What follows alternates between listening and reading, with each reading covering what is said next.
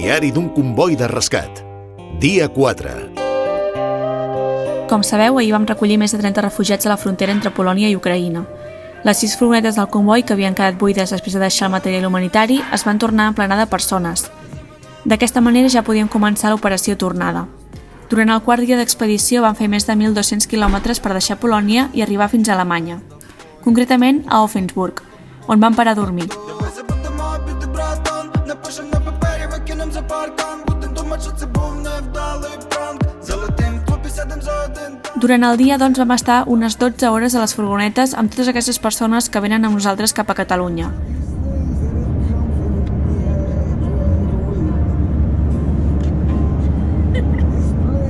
Aquesta estona ens va servir per poder parlar amb ells i conèixer-los. És així com veus que, tot i que són persones molt diferents i amb les seves històries particulars, tots ells converteixen la mateixa por i els mateixos nervis en aquest viatge. I és que tots van acceptar pujar a la furgoneta d'uns desconeguts, confiant en que els dirien la veritat i realment els portarien a Espanya. A més, la barrera de l'idioma és un problema important. Molts d'ells només parlen ucraïnès o rus i no ens podem comunicar amb ells ni en anglès. Això fa que no se'ls pugui tranquil·litzar com es voldria perquè no ens podem expressar amb facilitat i no ens entenen de cap manera.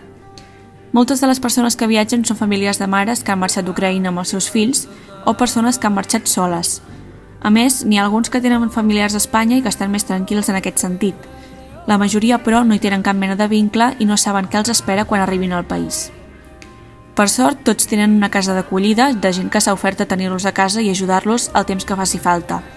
Però això tampoc és gens fàcil d'explicar i fer entendre.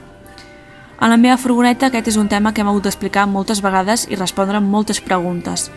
Per exemple, si hi havia un temps límit d'estada o si hi havia algun problema si no tenien diners. La resposta en dos casos és que no.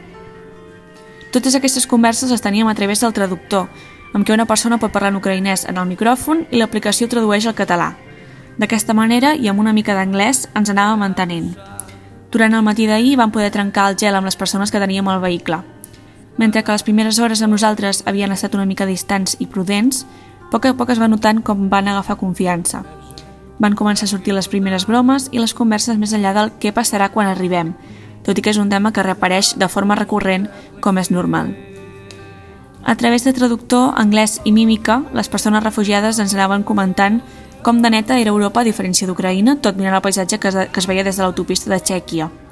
Miraven encantats el paisatge de camps i quan passaven per a una ciutat buscaven quina ciutat era i també ho comentàvem.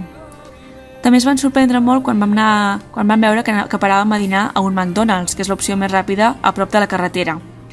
Ens deien que Ucraïna és molt car menjar-hi i que s'hi anava per ocasions especials com aniversaris. Van dir que era un lloc per gent rica, literalment. Un altre moment va ser quan una de les que portàvem a la furgoneta va treure de la motxilla una guia de conversa rus-castellà. Va començar a llegir paraules i a fer preguntes sobre coses que no entenia o buscant confirmació per si estava pronunciant bé les paraules. Més enllà d'això també es van explicar coses sobre la guerra. Malgrat que cadascú tenia la seva història personal i privada, pràcticament tots havien deixat algú a Ucraïna. Pares, parelles, fills o nets que no han pogut o no han volgut marxar. A més, molts d'ells, durant el dia, quan ja ens coneixíem més, ens ensenyaven fotos antigues de la seva família. Fins i tot hi havia una persona que portava fotos d'àlbum en una de les motxilles.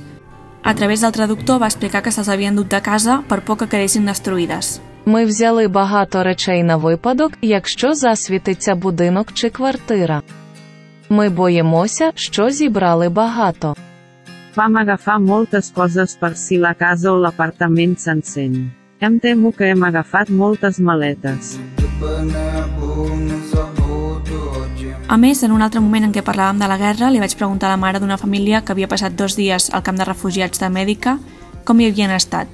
Va contestar que allà encara hi havien estat prou bé. Realment, això ens va xocar.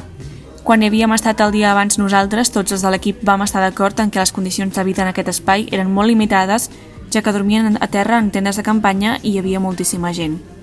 És en moments com aquests en què et preguntes quin tipus de situacions han hagut de viure perquè consideren que en el camp de refugiats, que nosaltres veiem horrible, s'hi està bé.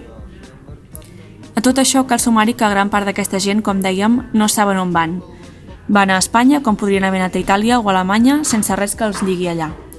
No tenen feina, no saben l'idioma i els nens tampoc sabien que podrien anar a l'escola sense problemes. És per això que en aquest punt és important destacar la feina que s'ha fet des de les associacions que han organitzat el viatge, la Penya Blaugrana de Monells, Galgo 112 i EREC, per buscar una casa a tota aquesta gent. Les més de 30 persones que tornem, com deia abans, tindran un lloc segur on anar, on les ajudaran en tot el que faci falta. Arribaran a les cases dimarts. De moment avui tornarem a agafar furgonetes per fer el trajecte que ens falta, d'Offenburg a Platja d'Aro. Allà farem l'última nit d'aquest viatge.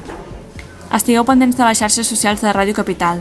Anirem penjant vídeos d'aquesta tornada i a l'arribada farem un directe d'Instagram per explicar-vos com ha anat el trajecte i quins seran els propers passos. Diari d'un comboi de rescat. Gràcies per escoltar-nos i acompanyar-nos. Un reportatge d'Anna Salvador Figueres i el suport de la redacció de Ràdio Capital de l'Empordà.